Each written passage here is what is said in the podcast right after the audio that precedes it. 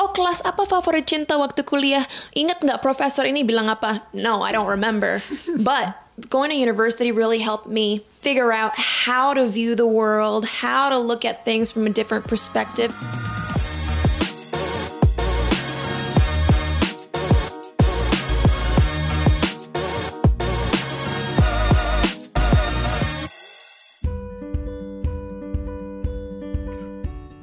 Well, thank you very much, uh, Cinta Laura udah mau datang ke podcast Ruang Sandi, where we talk good vibes only, sesuai dengan ini good vibes Yeah, yeah. only. Thank Nggak you for kebaca. having me, Pak.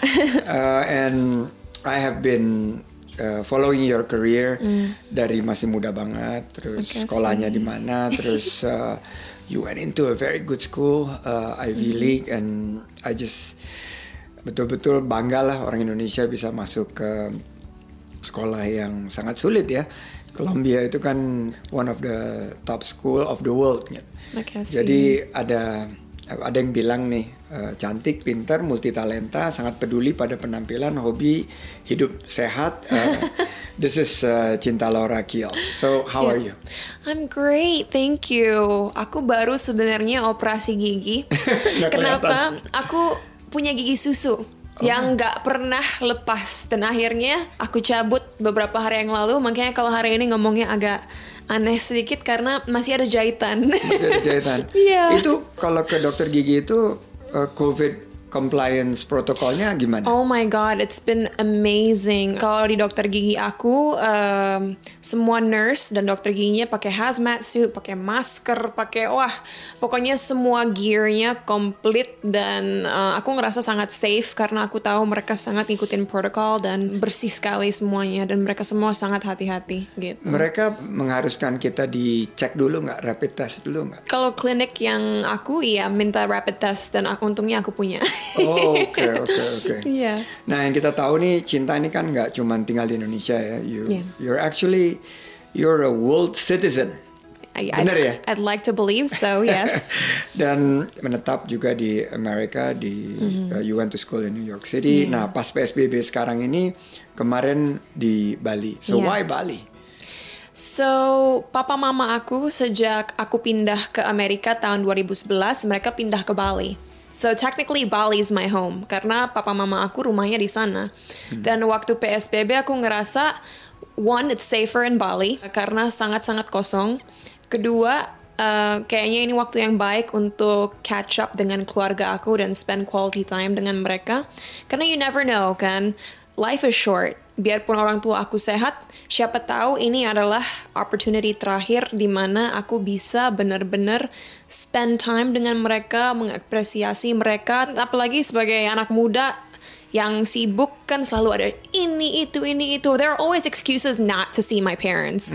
So I found that this was the perfect time to be with them, and I made the right decision. And how's Bali? I haven't been to Bali udah udah hampir 9 bulan dan biasanya kan tiap bulan sekali ke Iya. Bali. How's Bali? Amazing. Um, aku sedih yang pasti karena ekonomi Bali kan tergantung dengan tourism dan karena sekarang sangat kosong, a lot of people are suffering. Tapi kalau ditanya secara lifestyle di Bali gimana, selama dua setengah bulan aku di situ, aku setiap hari bisa ngehirup udara segar, setiap hari bisa olahraga, bisa makan sehat dan hidupnya tuh teratur sekali. So I can't complain. And I know I'm lucky, nggak semua orang bisa punya opportunity seperti itu.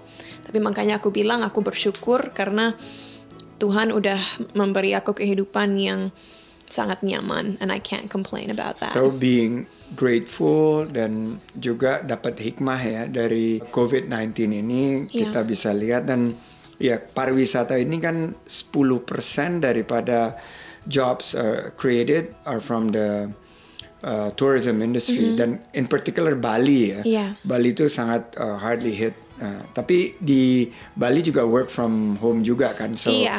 so you you have been productive. I've been very productive dan aku selalu bilang ini di setiap interview tapi I'm so I'm such a disciplined person and I'm so organized. Jadi selama di Bali aku punya timetable and this is how I always live. Uh, aku punya timetable, pokoknya nggak boleh bangun di atas jam 7 pagi. 7 pagi itu udah paling siang. Tapi usually secara natural aku bangun setengah you a enam. morning person? Oh, 100%. 100%. I'm so productive when the sun's out and the minute the sun disappears I'm like okay bedtime. Jadi aku punya timetable sendiri supaya setiap hari walaupun work from home dan mungkin banyak orang ngerasa bosen aku selalu isi dengan kegiatan supaya aku nggak go crazy gitu. Jadi ada satu hal yang masih menjadi pertanyaan kita semua sampai saat ini nih. Di tahun 2007 sampai 2011, kamu ini kan sedang lagi puncak-puncak karirnya ya waktu tahun 2007 sampai 2011. Semua yang kamu kerjain itu sukses besar and you have been known to be the Cinta Laura gitu. Main sinetron, dapat penghargaan Best Actress, uh, bikin album, dapat penghargaan 13 kali platinum, terjual lebih dari satu juta kopi, sambil sekolah juga Yeah. di luar negeri dan sekolahnya itu bukan you know I have to remind uh, viewers of podcast Ruang Sandi an Ivy League uh, education itu saya aja tuh nggak nggak diterima daftar di Ivy League gitu loh. Nah itu gimana cara how how you balance things? Jadi aku masuk dunia entertainment sangat uh, by chance ya. Aku aku terdiscover oleh seorang casting director 2006 waktu aku umur 12. Sinetron pertama aku tayang aku umur 13 2007. Dan dari situ things just happen overnight benar-benar nggak ke plan karena aku emang orangnya sangat ambitious, sangat discipline, sangat competitive. Aku ngerasa okay, you know what, I can do it. I can balance my education and my career, and I can also be an athlete. Karena selain aku ngebalance sekolah dan uh, kerjaan aku waktu itu aku juga atlet uh, basket, atlet lari. Jadi aku juga varsity athlete di sekolah. Kenapa akhirnya tahun 2011 setelah aku keterima di Columbia University, aku bilang, okay, you know what?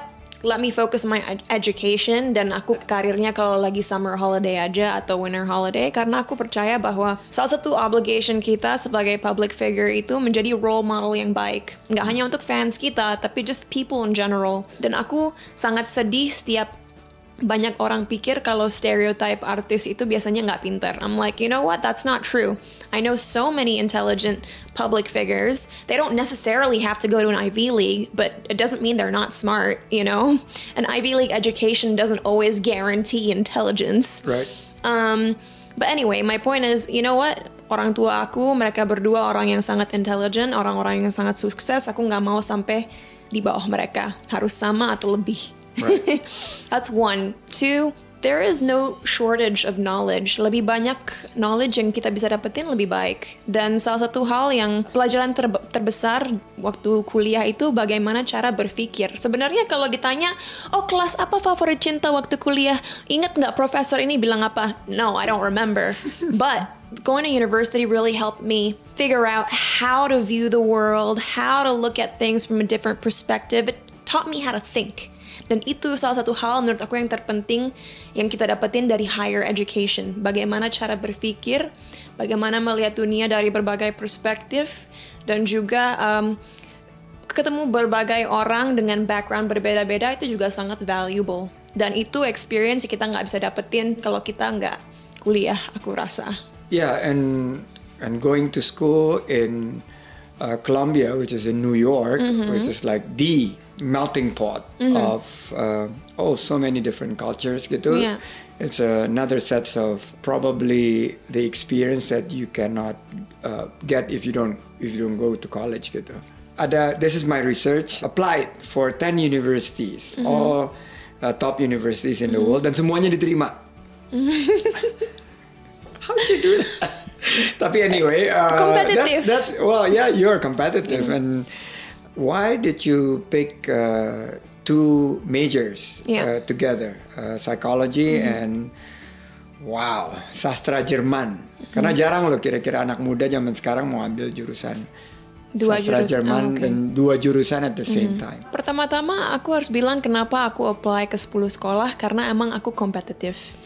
Suatu hal yang aku pelajari mungkin dalam satu tahun terakhir ini adalah apa pun yang kita lakukan harusnya jangan dilakukan untuk ngebuktiin ke orang lain kita bisa atau enggak. Harusnya pembuktian itu buat diri kita sendiri. But I'm not gonna lie, when I was 17 and applying to those schools, I did it one because I'm competitive, tapi kedua karena aku ingin ngebuktiin like, hey, this you know the cinta Laura you have in your head, it's completely messed up.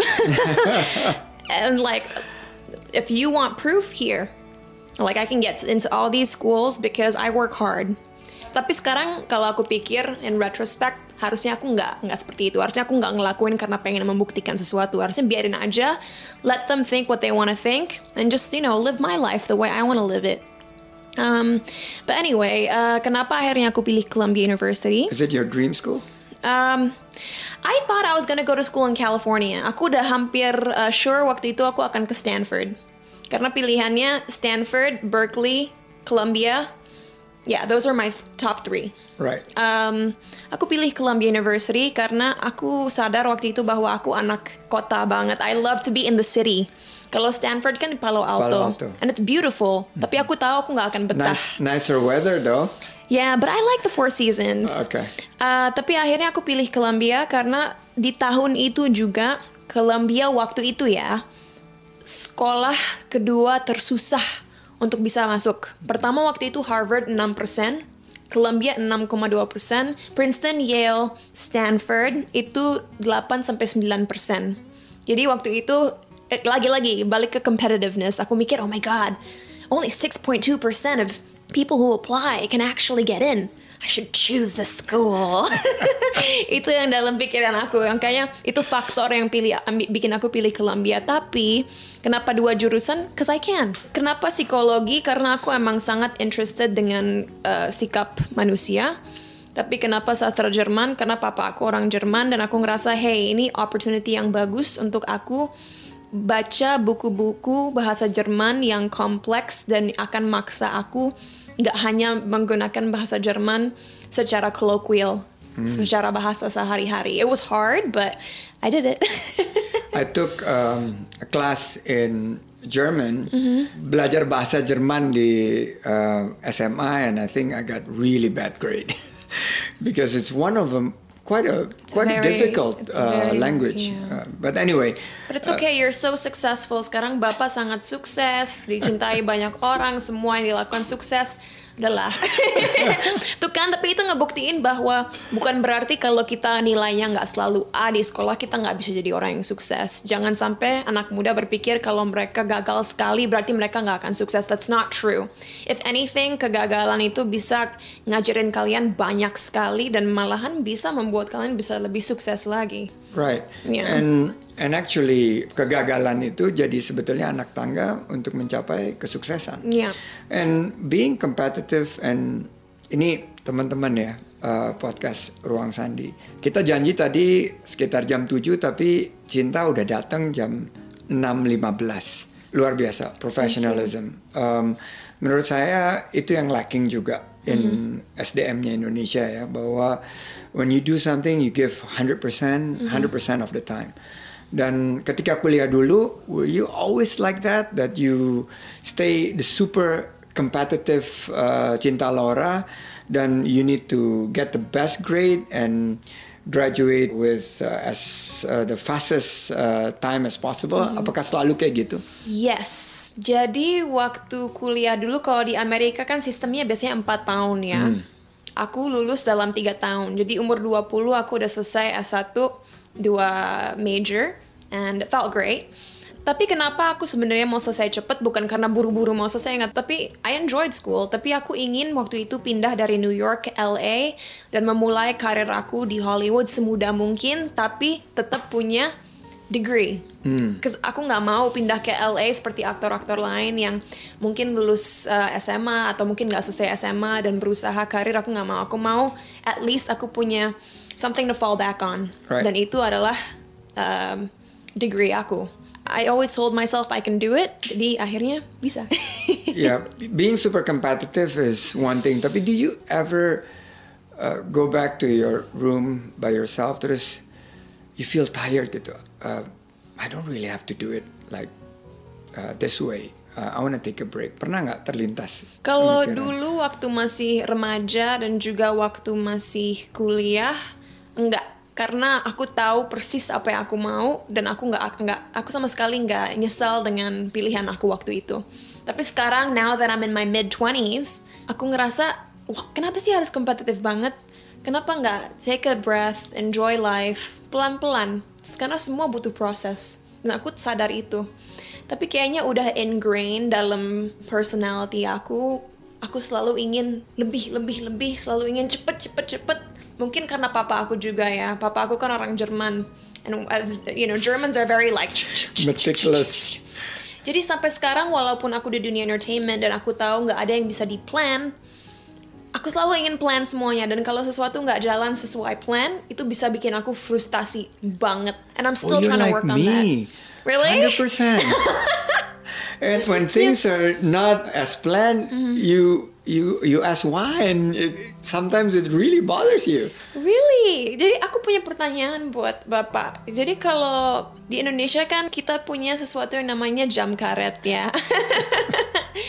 kalau misalnya Bapak ada meeting atau mungkin ada goal untuk bisnis Bapak yang nggak tercapai dalam waktu yang udah dipilih itu gimana rasanya dan gimana Bapak overcome perasaan frustasi itu? Dulu kalau orang ngaret Mm-hmm. atau meetingnya miss gitu, because I'm in the finance Mm-hmm. business, jadi semuanya kan very allocated to specific time slots gitu. Dan di Indonesia ini kan macet lah, Mm-hmm. terus orang meetingnya juga kelamaan, akhirnya Mm-hmm. itu mengganggu. Tapi dan I, I start getting used to it. First it it bother me, uh, tapi lama-lama jadi kebiasaan. Although when I knew that you're you're coming and a lot of guests are coming, I wanna value your time. Yeah. Karena definitely time is the only resources that Yeah. is uh, not renewable. Menurut Bapak, Bapak bisa merubah nggak sistemnya di sini? Bapak kan salah satu orang yang sangat influential di Indonesia. Kalau Bisa. Bapak uh, jadi role model yang baik, nunjukin, hey, you have to be on time, you have to be like this, you have to be like that. Do you? I feel like slowly others will follow. Bisa, and it takes leadership. Yeah. Um, and to lead is to give good example. Uh, dan di sini juga small productions that I have, I I want to inject the same level of professionalism. Dan menurut saya we need to learn from people like you, uh, who's committed uh, and give and super competitive and give uh, 100% uh, give your best all the time. Itu sih luar biasa banget. Nah, jadi kalau kita ingat-ingat kemunculan uh, cinta di dunia show business Indonesia ini kan langsung melejit. Uh, and it happened overnight, you mentioned earlier. Tapi juga banyak tantangan. Terus ada yang bilang sok ke Inggris-Inggrisan sampai you know me, um, we even know your your dialect dan kita joking with Yeah. with your dialect. Dan banyak yang bilang nggak pura-pura nggak bisa bahasa Indonesia. Ada nggak satu komentar atau cerita soal haters yang masih diingat sampai sekarang? Dari dulu, aku selalu bilang ke media, guys, aku nggak tumbuh besar di Indonesia loh. First of all, I didn't grow up in Indonesia. I wasn't here, I, I didn't come here until I was 12.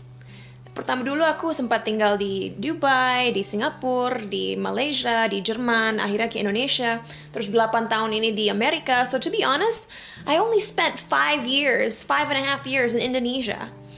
Kedua, aku bukan orang pertama yang bahasa Indonesianya kurang baik, um, apalagi sebagai anak mix ya. Tapi kayaknya aku orang pertama yang masuk dunia entertainment yang bahasa Indonesia yang kurang baiknya terexpose. But I feel like it's become so common. Coba deh, Bapak pasti pernah ke mall, lihat anak-anak ngomong sama orang tuanya pasti bahasa Inggris. Padahal mereka 100% anak Indonesia, tapi sekarang mereka mulai ngomong hanya bahasa Inggris dengan orang tua mereka. That's true. So it's not just me. It's everyone, even kids who are completely Indonesian. So, So you must think in English and Yeah. dream in Oh, English. 100%.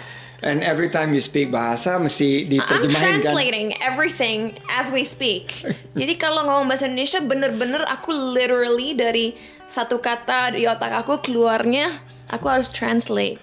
Uh, tapi oh ya, comment dari haters yang paling menyedihkan. Um, I don't remember actually.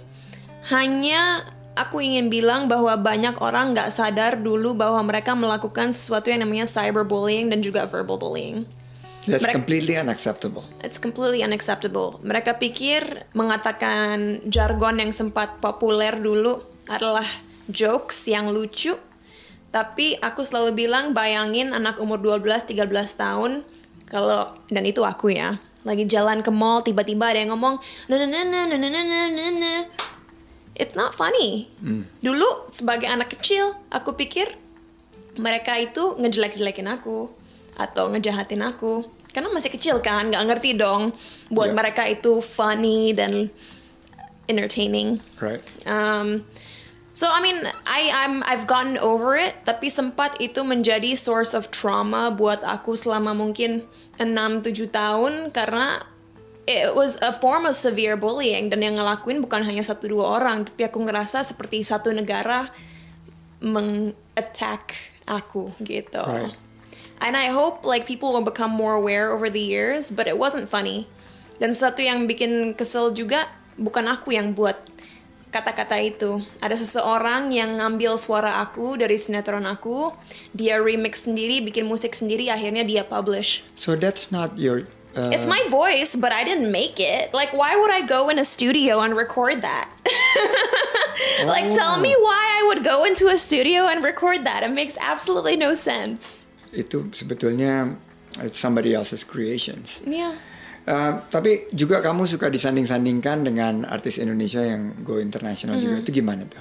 Yeah, I think that's a form of flattery ya. Kalau ada yang membanding-bandingkan dengan artis-artis lain yang udah go international, harusnya aku ngambil itu sebagai compliment. Karena itu berarti orang-orang merasa bahwa aku udah cukup baik untuk bisa uh, mewakili Indonesia di Level di dunia. level dunia. Uh, but at the same time, aku ingin orang-orang ingat bahwa kita semua mau itu Mbak Anggun, Agnes, Rich Brian, Nicky, siapa pun itu, kita semua punya style kita sendiri. Right. Kita semua punya mission kita sendiri. Kita semua ya punya goals kita sendiri. Jadi kayaknya sebaiknya jangan dibanding-bandingin karena kita semua hanya satu hal yang sama, yaitu membuat Indonesia bangga dan membuat Indonesia dilihat secara lebih positif lagi di dunia. Gitu. Just support us, you know. We're not trying to compete with each other. And and that's that's what I've been saying. I'm I'm so proud of you guys. Go international, trying to make a mark. Karena kan Indonesia ini negeri keempat dari jumlah populasi. Yeah. The third largest democracy. And kita negara yang sangat kaya raya, SDM, sumber daya.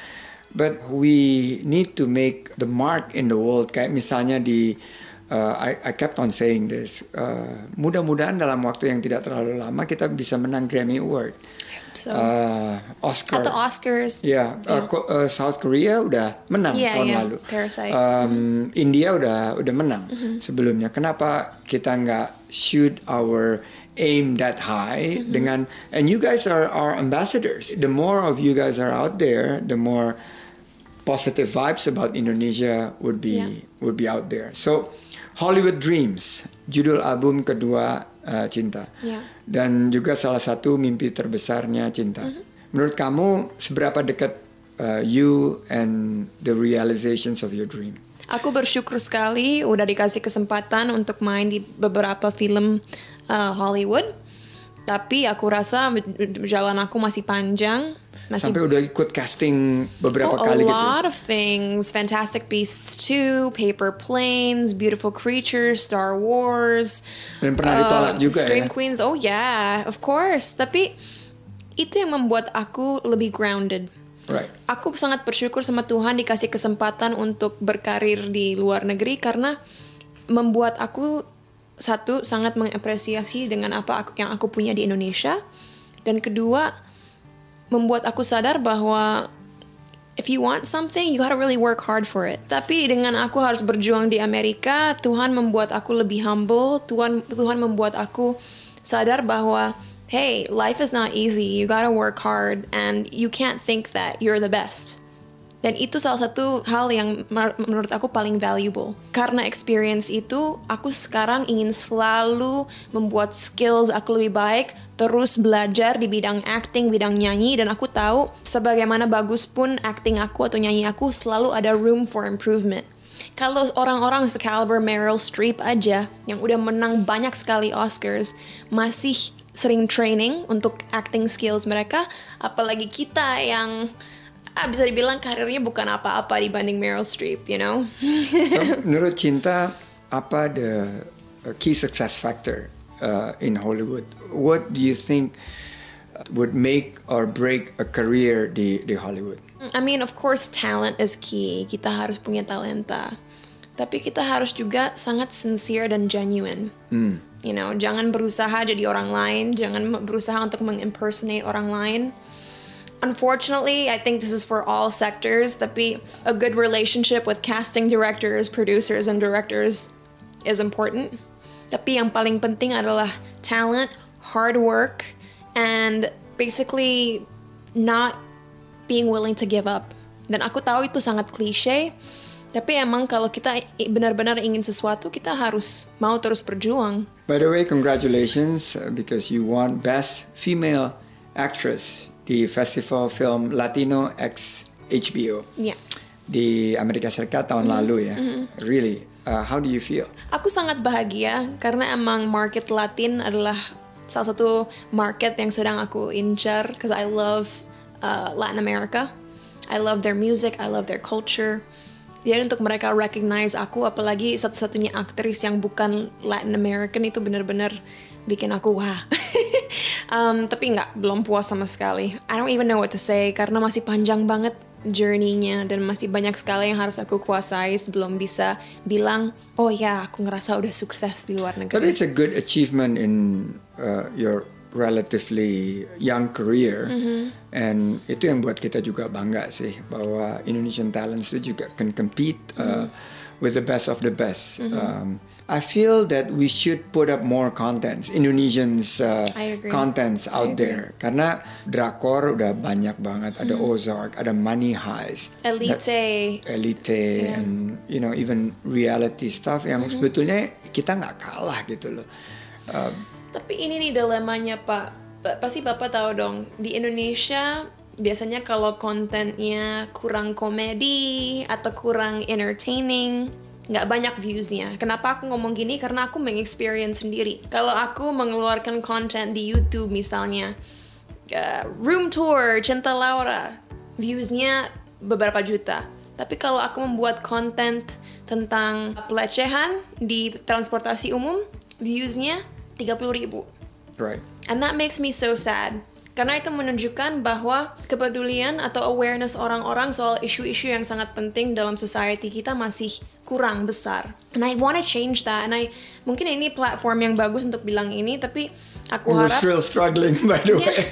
I tapi know, aku- tapi hopefully uh, because if you continue to to pound, there'll be breakthroughs. Then don't stop putting those type Oh, of, of contents. course, of you need to course. continue to say it out loud. Yeah, but I feel like you know not only entertainers tapi kalau kita dapat support dari government juga misalnya misalnya stasiun TV diharuskan meng-air konten-konten yang edukatif mungkin itu bisa ngebantu jadi orang-orang terpaksa harus nonton hal-hal yang ber- berbobot gitu. I mean I don't I know it's a little extreme but you know if you don't force people to watch these things to help develop them mentally then they're just gonna want to watch things that entertain and there's nothing wrong with that I love entertaining stuff I love trash TV tapi harus perlu balance juga kan Betul, gitu betul.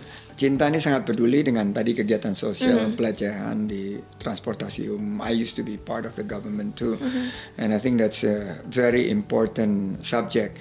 Dan udah juga Cinta berpartisipasi di beberapa kegiatan dan gerakan sosial. Mm-hmm. Sekarang jadi duta anti kekerasan terhadap perempuan dan anak, and many other kegiatan sosial. Apa sih kriteria seseorang bisa terpilih? yang pasti you need to have passion in that sphere. Mungkin salah satu alasan kenapa aku terpilih menjadi duta anti kekerasan karena waktu itu aku sempat ketemu Menteri PPPA. Aku bilang ke beliau bahwa aku sangat concerned dengan isu kekerasan terhadap perempuan dan anak-anak di Indonesia. Karena seperti COVID-19 itu pandemic, kekerasan juga pandemic. Nggak hanya di Indonesia tapi di dunia. Dan setelah aku 8 tahun tinggal di Amerika, aku melihat bahwa korban kekerasan kalau negara-negara seperti Amerika, biasanya mereka dikasih pengacara gratis. Rehabilitasi mental, fisikal, apa pun itu gratis. Semua fasilitas dikasih ke korban supaya mereka bisa pulih kembali. Dan aku nggak bilang di Indonesia itu nggak ada, ada juga. Tapi masih bisa dikembangkan lagi. Karena di Indonesia kita masih punya isu besar yaitu banyak korban kekerasan masih merasa stigma bahwa kalau mereka melaporkan nanti mereka akan membuat malu keluarga atau mungkin pokoknya banyak ketakutan dalam diri mereka and that's because as a victim you should know that it's never your fault korban nggak pernah salah. Salah. Itu harus diketahui. Pelaku yang ada masalah dengan mental mereka karena sebenarnya mereka punya pilihan untuk nggak ngelakuin hal itu. Um, kedua, banyak korban kekerasan masih nggak tahu harus ke mana kalau terjadi sesuatu sama mereka. Dan itu informasi yang kita harus sebarin. Dan aku udah sempat bilang ini di salah satu interview aku sebelumnya, tapi nggak usah jadi influencer, nggak usah jadi artis untuk membantu. Kalau kalian punya social media, kalian punya platform, use it. Use it to spread information, use it to spread awareness. Kalau orang-orang di sini aja nggak aware, apa itu kekerasan, tipe kekerasan ada apa aja, ke mana kalau sampai mengalami kekerasan, gimana kita situasinya bisa membaik. Dan remember, kalau kita mau bicara ekonomi ya, 50% dari negara Indonesia itu perempuan, give or take. 50% dari dunia ini perempuan. Kalau perempuan nggak tumbuh besar di kondisi yang aman, yang sehat, yang stimulating intellectually, gimana mereka mau jadi members of society, you know, productive members of society. You know, you're actually putting a lot of you're actually putting a lot of pressure on the economy because you're just relying on the other 50%. Right. You know, kalau perempuan dikasih um, kesempatan untuk meraih pendidikan yang baik, punya you know kehidupan yang nyaman, yang sehat, yang aman, can you imagine how much better we can do as a country, as a society? Makanya aku dan keluarga mama aku kita punya yayasan yang namanya Sukarseno Peduli. Dan yayasan ini sejak 2004 sudah ngebangun kira-kira 11 sekolah dan ngebantu kira-kira 5.000 anak-anak mendapatkan um, edukasi yang gratis. Why are we doing this? Because education is the key. Penting sekali dari kecil anak-anak diajarin apa artinya kesetaraan gender, apa itu kekerasan, bagaimana saling memperlakukan satu sama lain. And only once we do that can we find a solution to this pandemic. Not COVID-19, but abuse. Fakta atau kasus apa saja yang Cinta eh, baru tahu setelah menjadi duta dan mungkin ada yang para pendengar podcast Ruang Sandi ini, para pemirsa yang juga perlu tahu gitu. Ya. Aku nggak nyalain siapa-siapa, tapi kayaknya perlu tahu bahwa sektor ini untuk membantu perempuan dan anak-anak masih kurang banget fundingnya. Maaf Pak, funding apa bahasa Indonesia? Pendanaannya. Pendanaannya masih kurang. Aku nggak tahu nomor exactnya, tapi kira-kira di Indonesia per tahun untuk Kementerian eh, KPPPA Anggarannya. ya. anggarannya aku baca online mungkin aku salah maaf kalau salah tapi kira-kira 50 juta dolar 500 uh, miliar rupiah di negara-negara lain di mana gender equality lebih kelihatan itu anggarannya if I'm not mistaken 100 billion dollars 100 billion dollars. 100 billion dollars. Jadi itu perbedaannya besar sekali kan. And this is already a problem. Aku sempat uh, melakukan seminar via Zoom dengan pundi perempuan. Um, dan mereka sendiri bilang di NTT misalnya tingkat kekerasan tinggi sekali. Tapi volunteers mereka susah untuk bisa-bisa uh, untuk bisa benar-benar membantu korban-korbannya kenapa? Biaya pesawatnya aja kurang. Biaya naik perahunya kan kadang-kadang harus naik perahu untuk Yeah. ke islands Yeah. tersebut ya. And even though they want to help so bad, they still need funding not for themselves but to actually help these people. And that just breaks my heart. Tapi yang paling sedih selain kurang dana yang aku bilang tadi sih bahwa korban di negara ini masih takut untuk melaporkan injustice yang terjadi pada mereka.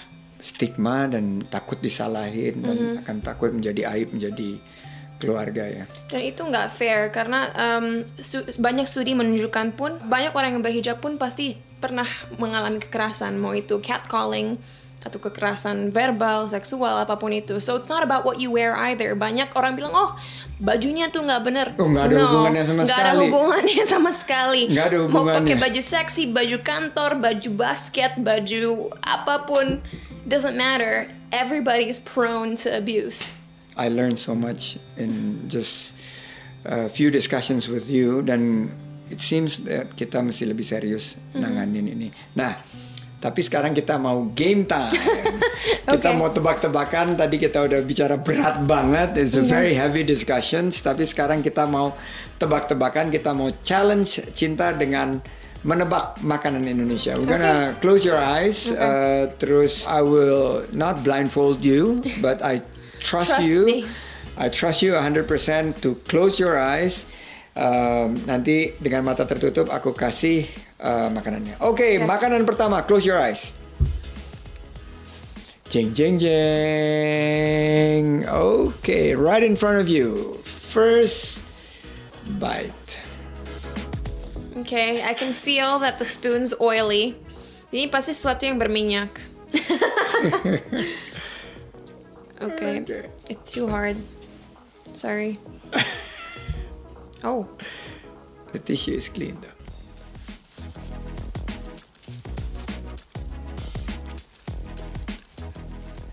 Something oily. this is tahu? Tofu? Uh, Bukan ya? Nggak ada tahunya. Oh, Digoreng, tapi masakan Indonesia semuanya digoreng sih. iya. Okay, I don't three, two, one. Open your eyes. It's martabak. Oh! Neng neng dong, neng dong. Close your eyes. Close your eyes. Nah ini ada di depanmu. This is really good. Okay. Makanan kedua.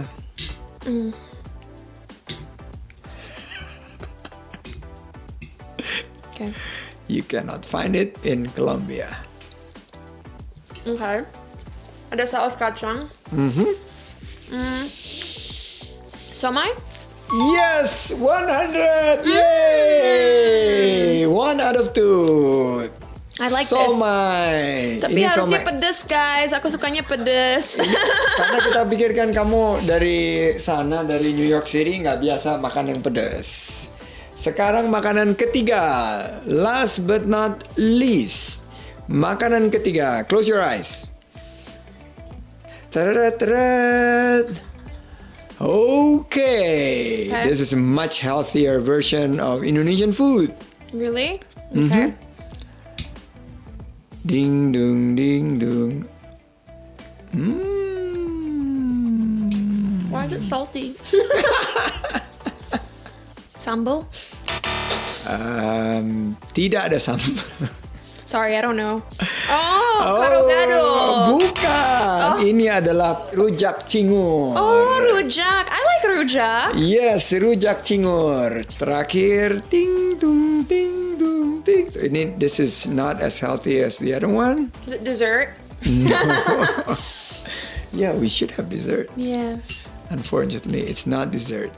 Digoreng semua ya makanan? Digoreng Indonesia, ah, pinter sekali. Oh, empe-empe. Yes. 100 untuk Cinta Laura. So you do well, you did well. Dua out of four. Dua dari empat. 50 persen. Fail. Kalau ini Ya. ujian, ini fail 50%. But you, you have uh, scored a cum laude in your undergrad. Jadi ini kalau 50% itu your pass. Um, tapi ini adalah kekuatan uh, menu Indonesia. You cannot find it. Oh, it's very hard to find it in New York City. Uh, anakku yang nomor dua sebetulnya tinggal di New York City, tapi Oh, nggak di iya. atas. Dia di di bawah di Chelsea. NYU. Di dekat NYU dia Oke. sekolahnya di The New School di oh yeah. Parsons School of Design. Wow. Jadi um, ini makanan-makanan khas uh, Indonesia yang kita harapkan pada satu saat nanti ada di corner uh, kayak Halal Boys gitu kan ada di Yeah. corner part of uh, New York and I hope you can promote this type of uh, food di Amerika. yeah, Nah, for sure. Boleh nggak? Saya minta cinta nyanyi sedikit. Sure. Boleh nyanyi lagu baru atau lagu lama yang pernah mendapatkan multi platinum it's up to Okay. you but we wanna thank you uh, at uh, podcast Ruang Sandi to have the honor for you to sing a little for us. Oke, terima kasih. Well, aku nyanyi sedikit dua lagu, tapi sedikit-sedikit aja biar orang nostalgia lagu dulu, tapi dengar lagu baru. So, Oh Baby is I don't wanna lose you. Yes, I wanna hold you. I don't wanna make you, make you sad and make you cry. Oh, baby, baby, baby, my baby. Oh, baby, baby, baby, baby, baby. Ooh, yeah. so that's Oh, baby. Hello, Cloud9. Um, let me tell you something. Something that is real good. I show you how to do it. Cause I'm right, that's right, uh huh. Get out of my way, I'm a boss, I ain't bragging. If you're here to play, you got lessons to learn. Couldn't care less about all of your ego. Oh no. Say what you want about me. Think what you want, cause I don't care. I'm high on my life and I like it, I like it. Cause you take me to the places where I wanna go. Bringing out the fire in me. I'm a cloud nine, stuck in cloud nine. You're so damn fine, make me say you're late, you're late, you're late. I wanna stay on cloud nine. Yay! Wow! Now I'm on a cloud nine. Thank you Cinta. Ketika kita uh, tidak berhenti belajar, belajar bisa lewat apa pun dan siapa pun. Kesempatan mendapatkan kualitas hidup yang lebih baik dan pencapaian yang lebih tinggi akan lebih dekat untuk diraih. Cinta sudah melalui tiga fase itu hingga bisa menembus dunia hiburan di Hollywood. Uh, brilliant girl who never stop learning. Tapi ada yang tidak boleh kita lupa yaitu uh, teaching atau sharing atau mengamalkannya. Ilmu tanpa amal seperti pohon tanpa buah. Semakin kita berbagi ilmu seperti cinta lakukan hari ini, semakin kita mendapatkan kembali keberkahan, kemuliaan, dan kebaikan. Mudah-mudahan we could collaborate, and I hope that you will win an Oscar. Uh, in not too Amen. distant future. Amen. And I am still alive to um, witness it. It Course, Pak. it will be a big honor buat kita. Sukses untuk Cinta Lora, whatever you do. Sampai jumpa di podcast Ruang Sandi berikutnya dan kita foto-foto dulu. Kita selfie. Okay. Good vibes.